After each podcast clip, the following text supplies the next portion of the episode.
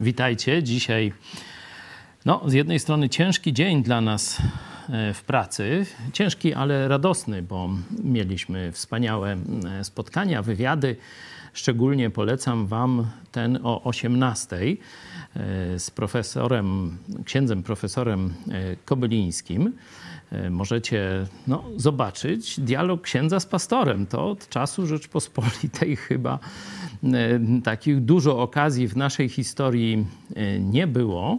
I to myśmy nie, e, że tak powiem, próbowali uładzać rzeczywistości, bo wiecie, dialog ekumeniczny to trwa i tam takie są słodkie gadki, że niby tam nic nas nie różni, że to gdzieś tam 500 lat temu, może Luter, może coś tam, ale teraz wszyscy razem, pełnym gazem, tu absolutnie jasno pokazujemy granice, pewne rzeczy krytykujemy, w pewnych się nie zgadzamy, ale rozmawialiśmy o Polsce. Co dalej?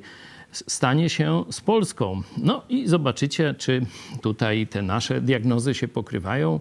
Także bardzo Was zachęcam, wyślijcie tu szczególnie do swoich katolickich znajomych. Um, może ktoś już oglądał i, i ma swoje wrażenia, które chciałby przedstawić po tym wywiadzie, to proszę bardzo. Kornelia, ty byś chciała? Bo to twoje marzenie się spełniło. Mogę powiedzieć, że tak, marzyłam o tym i bardzo jestem zadowolona z tej rozmowy i mam nadzieję, że to tylko początek e, takiej dyskusji, ale mamy też e, głos od e, naszych widzów. Jolanta Maria, arcyciekawy wywiad z profesorem Kobylińskim. Aż trudno uwierzyć, ale sytuacja głębokiego kryzysu w Polsce zmusza jednak do zauważenia telewizji Idź Pod Prąd i podjęcia prób współpracy na rzecz przyszłości naszego państwa i narodu. Ksiądz profesor mówi o konieczności tworzenia nowej rzeczywistości społecznej, przytacza model amerykański. Padają słowa o osobistej więzi z Jezusem Chrystusem. Jestem pod wrażeniem. Tak, tu jeszcze trzeba dodać, że e, ksiądz profesor Kobyliński nie tylko teraz, w dobie e, no, takiego już bardzo poważnego kryzysu w walce z epidemią, e, pisał i mówił podobnie. To od wielu lat taką postawę przyjmuje. Teraz akurat no, mamy okazję razem, mieliśmy okazję razem wystąpić w jednym e, programie i jak pewnieście słyszeli, no tu obie strony chcą, chcą kontynuacji tego typu rozmów o Polsce.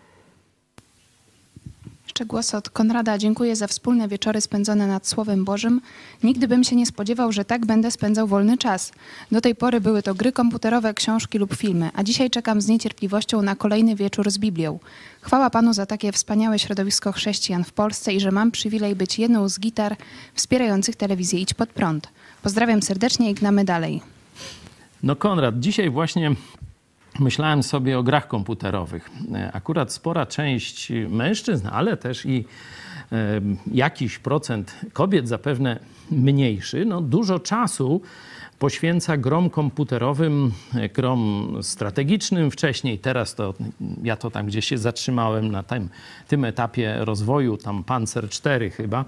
E, także no to były takie e, gry chyba turowe, to się nazywało. Teraz to jest jakieś tam w czasie rzeczywistym, jakieś cudawianki. Nie wiem, nie oglądam na wszelki wypadek, nie zaglądam tam, ale wiem, że Wielu mężczyzn szczególnie no, bardzo emocjonuje się grami komputerowymi, nawet część panów to uzależnieni od gier komputerowych i tak sobie pomyślałem, przecież to jest efekt tego, że mężczyźni, szczególnie mężczyźni dzisiaj nie mają prawdziwych wyzwań.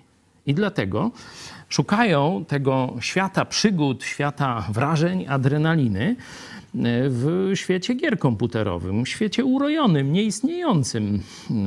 Dlatego myślę, y, tak ważna jest oferta biblijnego chrześcijaństwa w Polsce, bo to jest oferta dla prawdziwych mężczyzn, oczywiście i dla szlachetnych, walecznych kobiet, nie? że wtedy, kiedy pójdziesz za Jezusem Chrystusem, dostajesz wspaniały cel, wspaniałe wyzwanie, Będziesz miał też masę wrogów. Tak wiecie, jak w grach komputerowych, nie? No to się tam z jakimiś wrogami ciągle musisz naparzać, nie? Przyznaj się otwarcie, że należysz do Jezusa Chrystusa, a jeszcze, że oglądasz telewizję Idź Pod Prąd, czy należysz do projektu Mega Kościół, to już będziesz miał taką nawalankę na swoim Twitterze, na Fejsiku, że nawet nie będziesz pamiętał, że w ogóle są jakieś gry komputerowe. Tyle będzie do roboty, tyle będzie e, adrenaliny, jakichś wyzwań, e, pokonywania samego siebie i tak dalej. A te wszystkie gry fantazy, one przenoszą nas w jakiś taki tam świat, gdzie coś tam się dzieje, czy w historii, czy gdzieś w jakiejś innej rzeczywistości. Biblia przenosi nas w świat myślenia Boga. Nie ma niczego bardziej pasjonującego na tym świecie. Casa Pueblo, te wieczorne spotkania to jedyna ostoja w zawierusze koronawirusa i szaleństwa rządzących.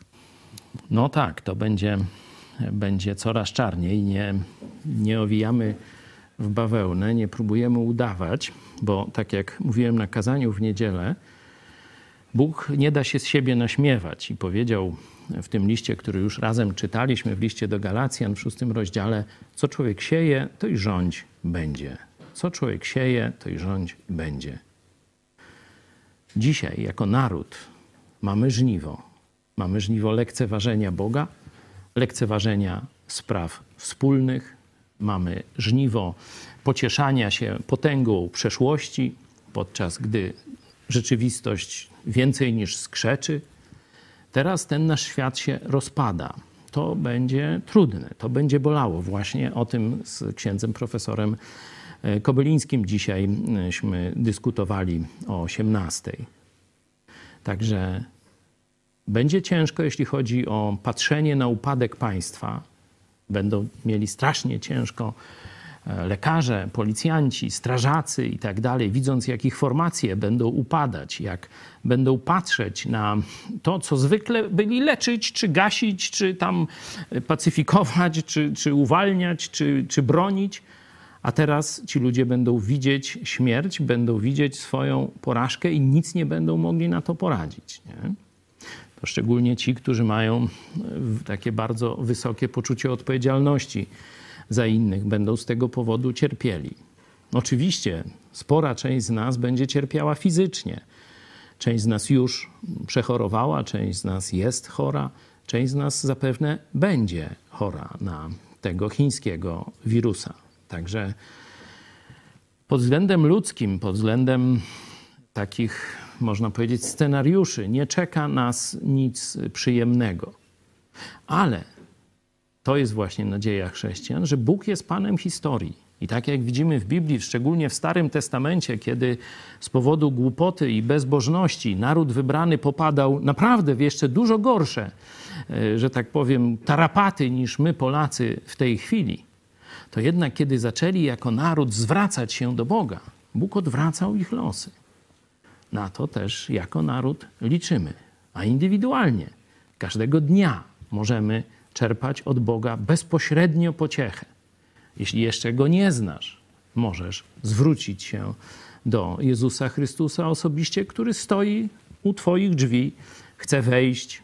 Zobacz sobie Księgę Apokalipsy świętego Jana, ostatnia księga Biblii 3:20. Tam Jezus osobiście do Ciebie mówi: Oto stoję u Twoich drzwi kołaczę. Jeśli kto, jeśli Ty posłyszysz mój głos i drzwi otworzysz, wejdę do Ciebie, wejdę do Niego i będę z Tobą, będę z Nim wieczerzał, a Ty ze mną. To jest zaproszenie od samego Boga. Tak jak czytaliśmy w liście do Rzymian w piątym rozdziale, sam początek usprawiedliwieni wtedy z wiary w Chrystusa, tu w domyśle, czyli już mamy zbawienie, mamy przebaczenie grzechów. Zobaczcie, co jeszcze mamy pokój mamy z Bogiem przez Pana naszego Jezusa Chrystusa. Tu na ziemi będziemy tam mieli niepokój, ale największy niepokój to jest być w stanie wojny z Bogiem. Dlatego Jezus mówił: Nie bójcie się tych, którzy tam ciało mogą skrzywdzić, zniszczyć, zabić.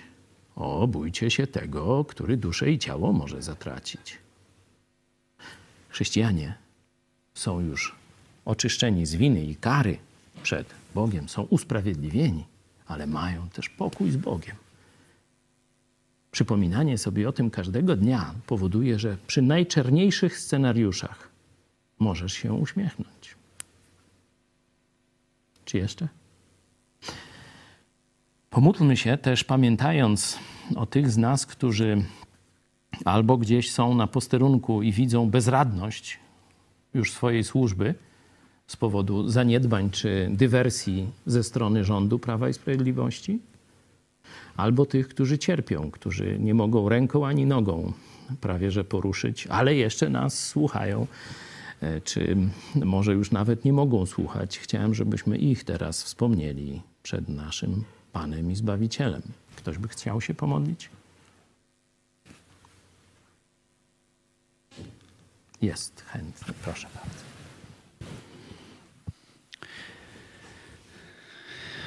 Panie Boże, dziękujemy Ci za ten teraz wspólny czas, który nam dałeś. E, będziemy mogli razem czytać e, Twoje słowo i proszę Cię, daj nam takie wejrzenie teraz w to, co będziemy czytać. Daj nam mądrość i takie znalezienie jak najlepszych zastosowań do swojego życia. Też spraw, żeby tutaj technicznie wszystko dobrze grało, żebyśmy razem bez przeszkód mogli teraz czytać Twoje słowo. Prosimy Cię, Boże. Amen. Amen. Szósty rozdział to przejście do zastosowań. Do tej pory apostoł Paweł tłumaczył powszechną grzeszność, potem jak Bóg zrealizował zbawienie, czyli misja Chrystusa. Trzeci E, trzeci rozdział, e, werset 24. Wszyscy zgrzeszyli, wcześniejszy się kończy i są usprawiedliwieni darmo z łaski Jego przez odkupienie w Chrystusie Jezusie.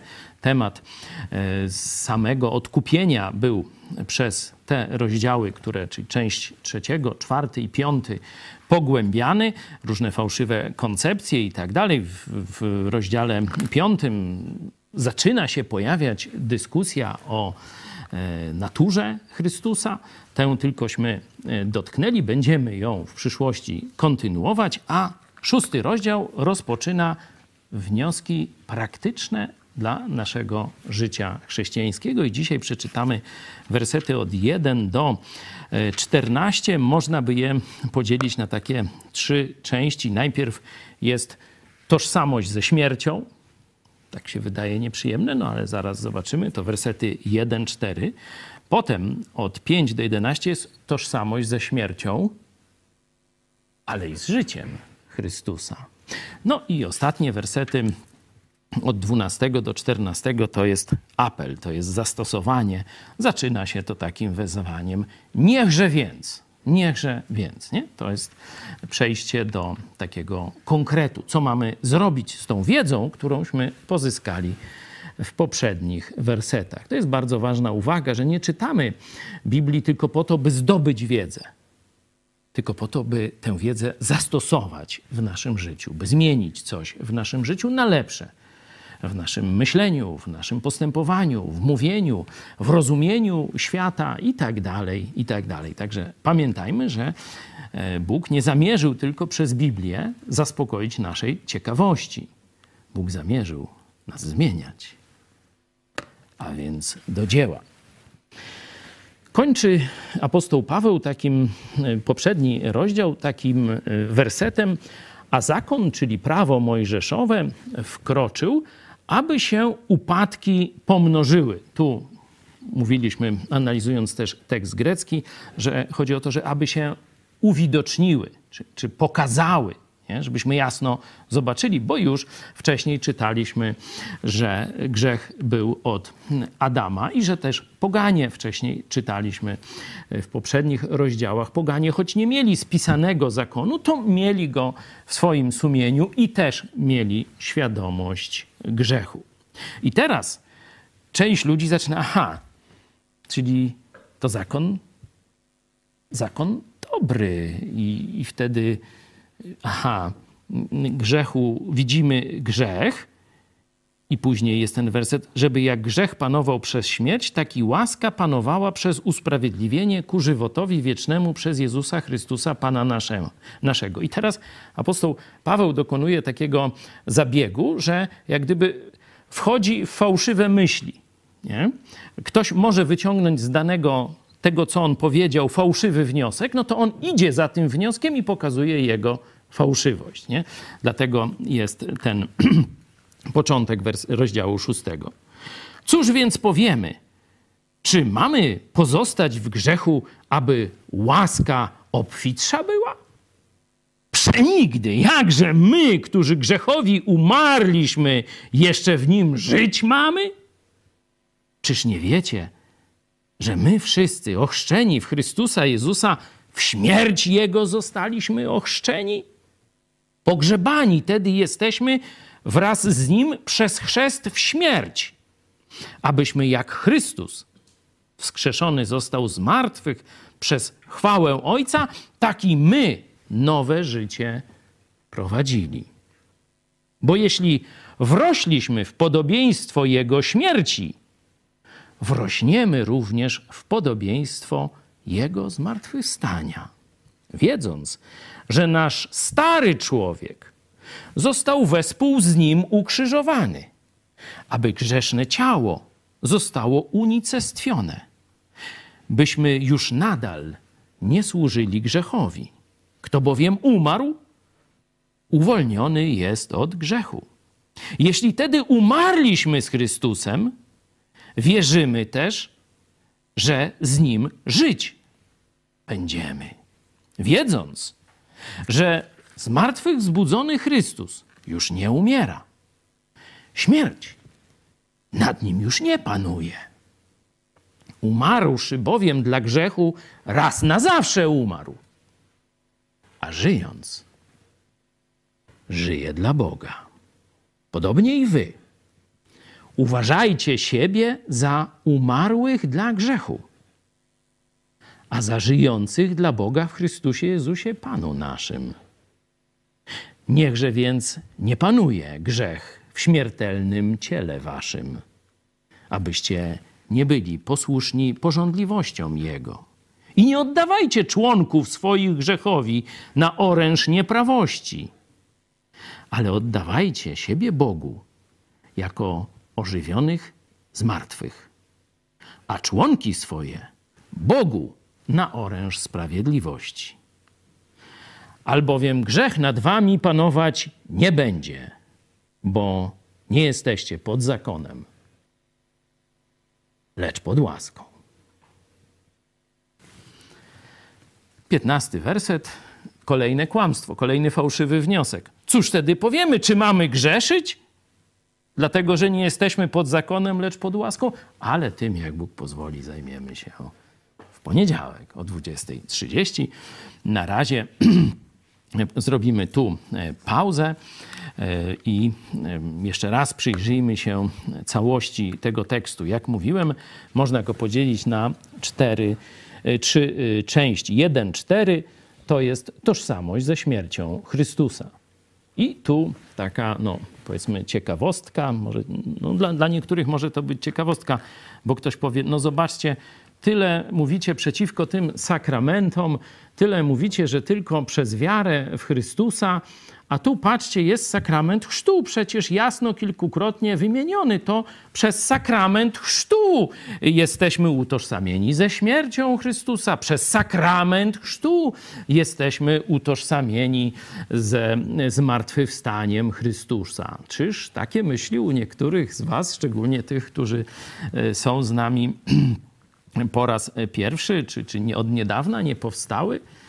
No, tu są oczywiście ciekawostki w Biblii Tysiąclecia, mamy przypisy, nie? czyli Biblia Tysiąclecia no, pokazuje wam, tak jak macie tu katolicy, rozumieć ten tekst. No i tam rzeczywiście e, jest tu pokazane, że chodzi o ten chrzest, który w katolicyzmie jest rozumiany jako e, sakrament.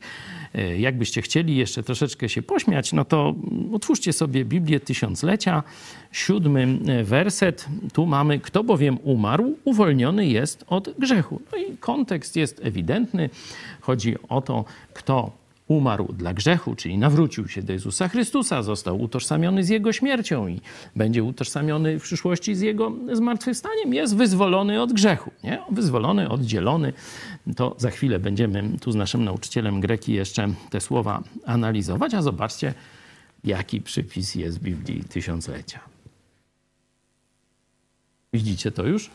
Jeśli nie macie, to wam pokażę do 6-7, jak należy ten werset rozumieć. Zasada ogólna, śmierć cielesna kończy możliwość grzeszenia. Czyli chrześcijanin zostaje wyzwolony od grzechu w momencie, kiedy zwrócił się do Jezusa Chrystusa. Kiedy katolik zostanie z niewoli grzechu wyzwolony.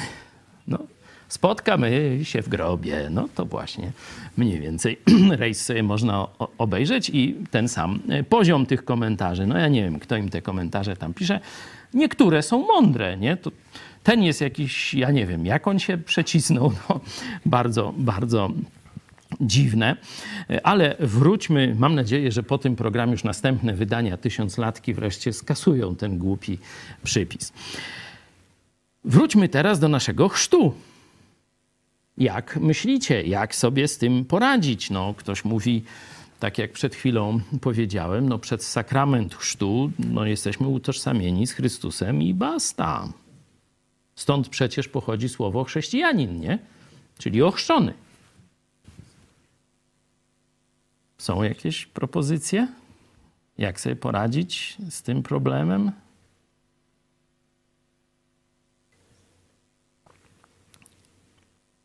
No z tym drugim to dość łatwo, bo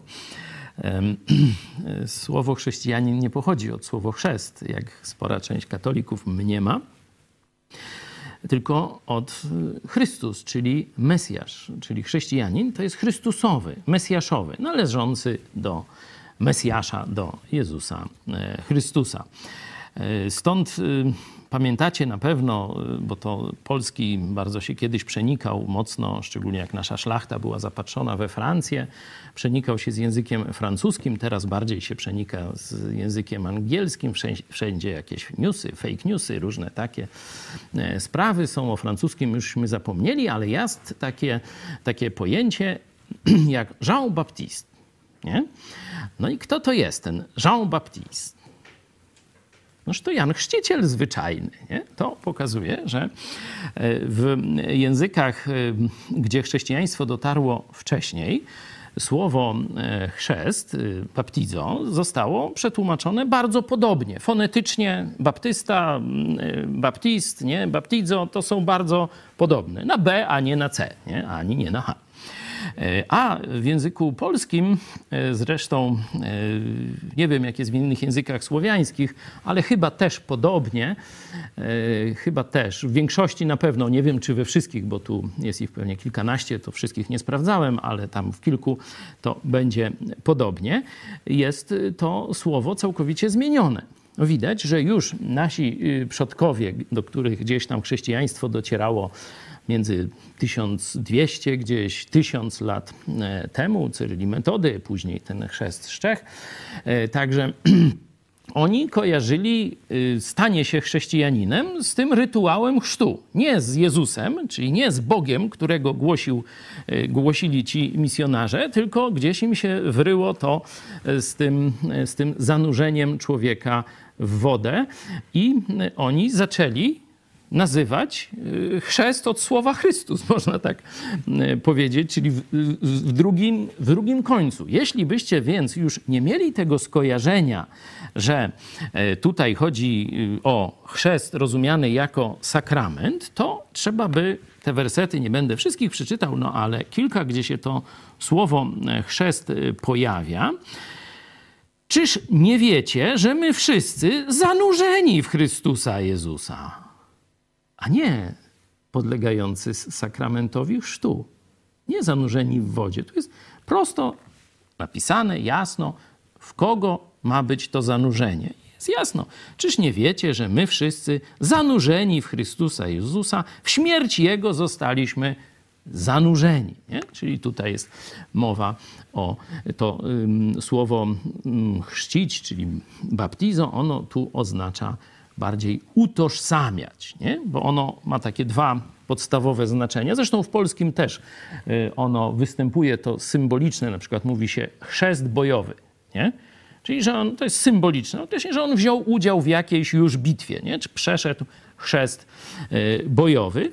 Stąd, czyli utożsam, utożsamił się z wojną, już wie, co to znaczy, z walką. Nie?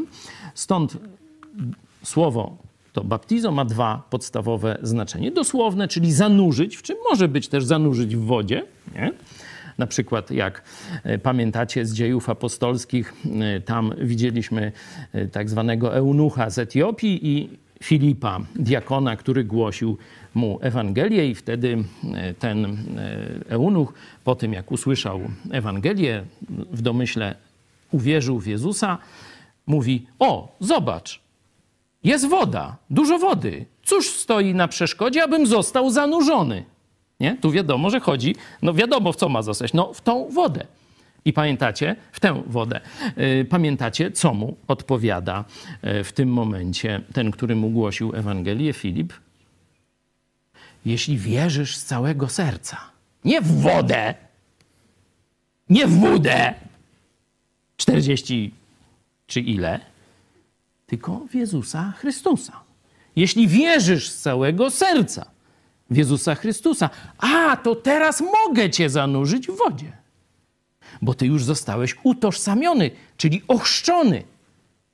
Symbolicznie, można powiedzieć, tu uży, używając tego słowa, zostałeś utożsamiony z Chrystusem, z Jego śmiercią za Twoje grzechy. To teraz mogę Cię na znak tego zanurzyć w tej wodzie. Także jeśli tak zaczniemy e, czytać, czyli że chrzest to nie kojarzy nam się od razu z jakimś rytuałem, sakramentem, tylko z zanurzeniem, niekiedy oznacza też farbowanie, e, to słowo, czyli zmiana e, koloru i tak dalej, no to wtedy widać wyraźnie, że chodzi nie o żaden ceremoniał, nie o chrzest wodny, nie o sakrament, tylko o wiarę w Jezusa Chrystusa. To wynika też przecież z całego kontekstu i tu jest jasno też stwierdzone. To tyle, co może jeszcze można powiedzieć. No, porównajmy jeszcze werset szósty. Tu jeszcze jest ciekawa taka, że pojawia się na, na przemian wiedza i wiara. Nie? Zauważyliście? Raz jest wiedząc, a raz jest wierzymy. Nie? I to tak prawie bardzo podobne treści, nie? że widać, że dla apostoła Pawła to, w co on wierzy, to on to wie. Nie? Że to jest przyjęte, musi być jakaś podstawa, dla niego podstawą to jest to, co Bóg powiedział, obietnice Boga. On to przyjmuje, tak, to jest prawda, i w tym momencie to już jest dla niego wiedza. Nie? Bóg zawsze mówi prawdę. Jeśli on przyjął z wiarą to, co mówi prawdę, y, to, co powiedział Bóg, no to on to traktuje. Zobaczcie, tu naprzemiennie będzie się wierzymy, wiemy, wierzymy, wiemy, wierzymy, wiemy, ale ten y, aspekt, no to do głębszej jakiejś analizy my tylko czytamy. Porównaj, porównajmy więc y, werset szósty z dziewiątym. Wiedząc, wiedząc to, że nasz stary człowiek został wespół z nim, to jest z Chrystusem, ukrzyżowany, aby grzeszne ciało zostało unicestwione, byśmy już nadal nie służyli grzechowi. I tu poproszę Ciebie, Rafał, naszego nauczyciela Greki, jak tu jest to służyli grzechowi 6-9. To 6, słowo, 6, które tutaj występuje, to jest dulewo, czyli od dulos, o. czyli niewolnik. Tak. Czyli inaczej, żebyśmy już nie byli dalej niewolnikami grzechu. To jest bardzo ważne. Zobaczcie, człowiek bez Chrystusa, on marzy o wspaniałych czynach niekiedy. Ile to ja szlachetnych rzeczy zrobiłem w myślach, zanim uwierzyłem w Chrystusa, a wychodziło jak zwykle. A wychodziło jak zwykle. Każdy z Was to zna. Zobaczcie, to jest właśnie, ta rzeczywistość jest tu opisana. Przed przyjściem do Chrystusa. Byliśmy niewolnikami grzechu. Czyli wystarczyła pokusa, jeśli nie jedna, to najwyżej kilka albo przez jakiś troszkę dłuższy czas, i każdy z nas upadał. Każdy z nas grzeszył. I werset dziewiąty. Tu, wiedząc, że stary człowiek był niewolnikiem, nie? Wiedząc, że w zmartwych zbudzony Chrystus już nie umiera. Śmierć nad nim już nie panuje. Tu sprawdzałem, tu już nie ma niewolnik, ale jest pan. To od słowa kyrios, nie? Y, kyrion. Y, to pod... Zgadza się. Tak. Można to przetłumaczyć w ten sposób, że e, już nie jest naszym panem. Tak, że, ale wiecie, pan i niewolnik to są z tego samego, można powiedzieć, obszaru zjawisk y, rzeczy, nie? I tu mamy z jednej strony mamy naszą stare życie przedstawione, niewolnicy grzechu. Chciałeś dobrze, wychodziło ci zawsze trzy kropki. Zresztą siódmy rozdział będzie też o tym e, trochę więcej mówił. To mam nadzieję, że wtedy to e, poszerzymy. A Chrystus dał zwycięstwo. Zobaczcie też, i my teraz już żyjemy, dzięki temu możemy żyć dla Boga. Nie jesteśmy niewolnikami grzechu. Możemy teraz wolą, zobaczcie, bo teraz przechodzimy do tego apelu, czyli najważniejszej jak gdyby części. Niechże więc nie panuje grzech w śmiertelnym ciele waszym, abyście nie byli posłuszni porządliwościom Jego. Kiedyś byliśmy niewolnikami. Grzech panował w naszym życiu, w naszym ciele. Teraz Chrystus nas wyzwolił. No to teraz korzystajmy z tej wolności, czyli przestańmy ulegać popędom ciała. I mówi: I nie oddawajcie członków swoich grzechowi na oręż nieprawości, ale oddawajcie siebie Bogu jako ożywionych z martwych. Jeśli wiesz, że jesteś ożywiony z martwych, teraz możesz toczyć życie zwycięskie z grzechem, możesz służyć Bogu. A członki swoje oddawajcie Bogu na oręż sprawiedliwości. To jest najważniejsze zastosowanie. Jeśli wierzysz w Jezusa Chrystusa, stara Twoja natura umarła, przybita na krzyżu Golgoty. Masz nowe życie. Ale to znaczy, że teraz masz realizować nowe życie. Tak, teraz masz żyć po nowemu. Już nie musisz grzeszyć. Wcześniej musiałeś. Teraz możesz. Możesz dalej swoje członki, swoje życie, swoje ciało oddawać na służbę nieprawości czy na służbę grzechowi, no bo dalej masz wolność. Ale w tej chwili już nie musisz. Możesz w każdej chwili wybierać dobro. Inaczej mówiąc, dzięki Chrystusowi, nie dzięki Tobie, nie dzięki mnie, dzięki Chrystusowi możemy być święci. Bo wybieranie dobra to jest właśnie realizowanie świętości. To jest możliwe. W Chrystusie do tego Chrystus nas zaprasza. Ja tyle. Rafał, jeszcze coś chciałeś dodać chyba do trzynastego wersetu, dobrze pamiętam? Może najpierw jeszcze werset ósmy. Tutaj jest, jeśli zatem umarliśmy z Chrystusem, to jest poprzednik zdania warunkowego, ale to jest forma retoryczna, w której zakładany, zakładana jest prawdziwość tego założenia, więc umarliśmy i tutaj jest e, aoryst, więc to ten przypis w Biblii Tysiąclecia jest kuriozalny, że, e, bo to by musiało brzmieć, jak umrzemy z Chrystusem, a my już umarliśmy. I to łączy się z poprzednim wersetem, kto bowiem umarł, stał się wolny od grzechu. Tutaj to słowo wolny to jest tak naprawdę usprawiedliwiony od grzechu, od e, dikeo. A teraz werset trzynasty E, tutaj jest. E, to wiesz, mm, to... tu nie wszyscy byli na Twoich lekcjach greki, także jakbyś tylko e, króciutko powiedział, uzupełnił to, że, że to umarliśmy. Chodzi o to, że to jest faktem, który zaistniał w przeszłości i skutki jego ciągle trwają. Tak mniej więcej? Tak. Dzięki. I w wersecie 13 to słowo nie oddawajcie, to bardziej mi pasuje nie udostępniajcie członków swoich grzechowi, ale, e, e, znaczy, ale e, udostępniajcie siebie Bogu. Bądźcie dyspozycyjni, nie? czy niech nasze ciało, nasza ręka, noga, nie wiem, język, oczy, niech będą dyspozycyjne dla Boga, a nie dla grzechu. Dzięki.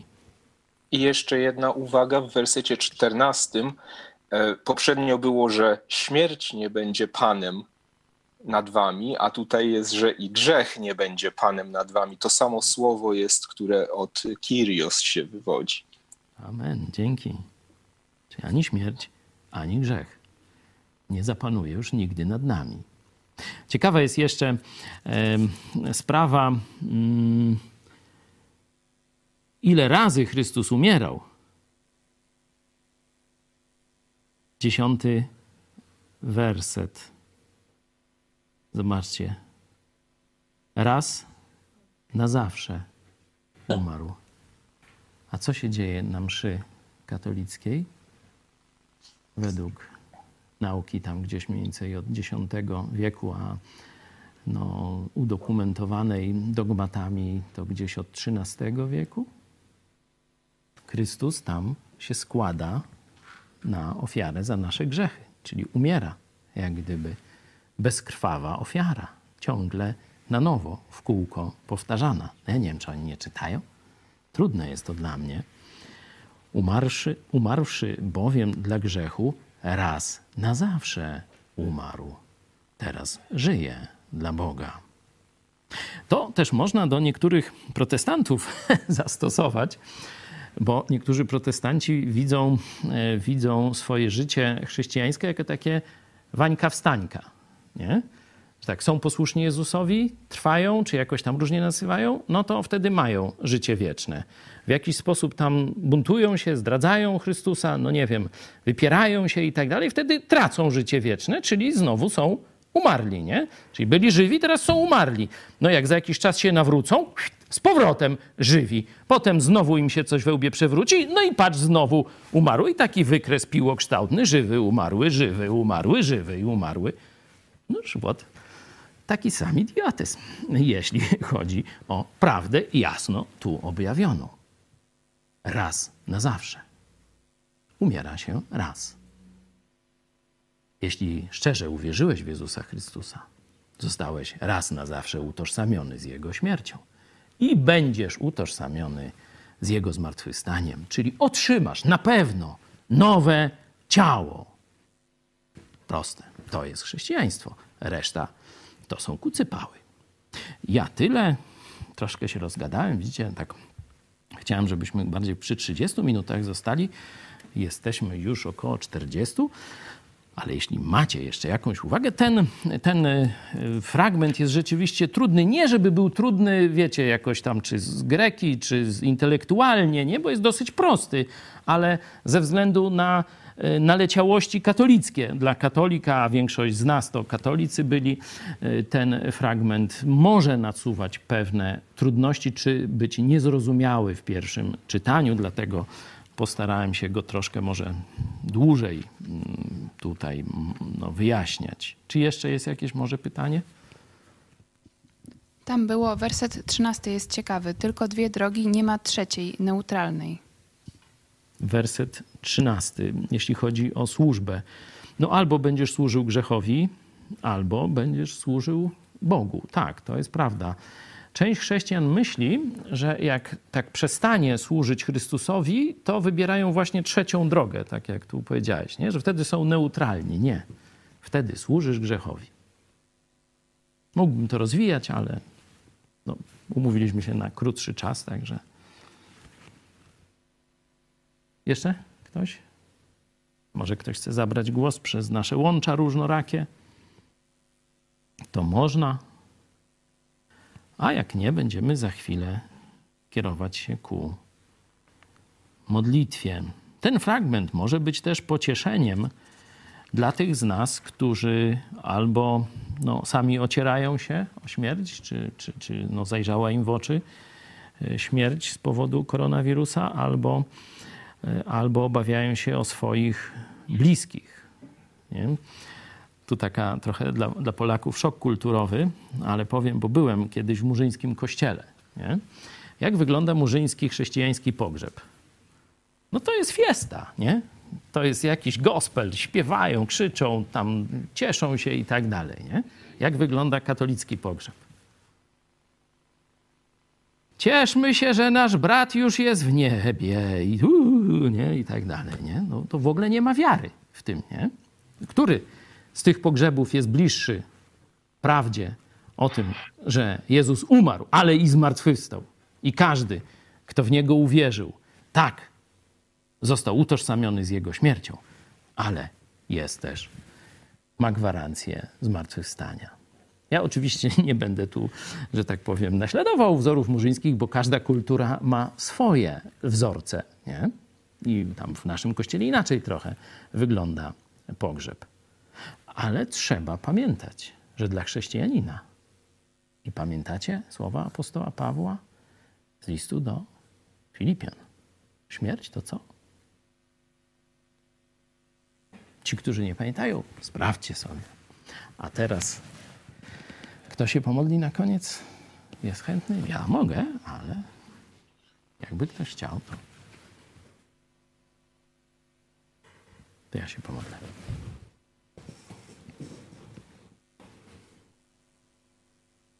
Dziękujemy Ci, Ojcze, że Ty potrafisz nas rozradować w każdych okolicznościach, że Ty sprawiłeś, że apostoł Paweł i inni uczniowie w najgłębszym więzieniu, pobici w lochu, w kajdanach, w fekaliach, śpiewali i radowali się w Tobie. Spraw, byśmy takiej radości doświadczali, niezależnie w jakich okolicznościach nas, nas postawisz. Daj nam mądrość, daj nam przypomnienie Twojego słowa, Twoich prawd, żebyśmy w chwili próby rzeczywiście Tobie służyli, bo Ty już nas raz na zawsze wykupiłeś z niewoli grzechu i śmierci. Niech Tobie będzie chwała, Panie Jezu, na wieki wieków. Amen.